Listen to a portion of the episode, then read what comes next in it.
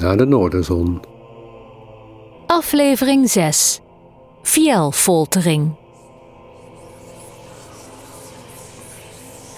Provocerend koekeloeren hun kopjes overal naaien. In laaggelegen berkenbosjes, op hellingen, in rivierbochten en op de wind gegezelde toppen. Eekhoorntjesbrood, zwarte en oranje berkenboleten, fluweelboleten, kanterellen, paralamanieten en ruzula's in alle regenboogkleuren.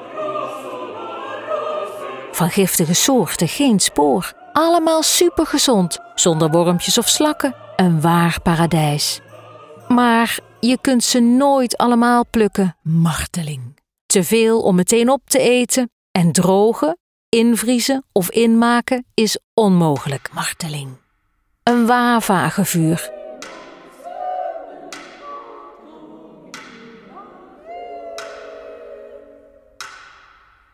En dus zijn de komende drie avondmaaltijd chickens krachtig en kruidig naar paddenstoelen smakend in plaats van naar teriyaki, verduveld exquise.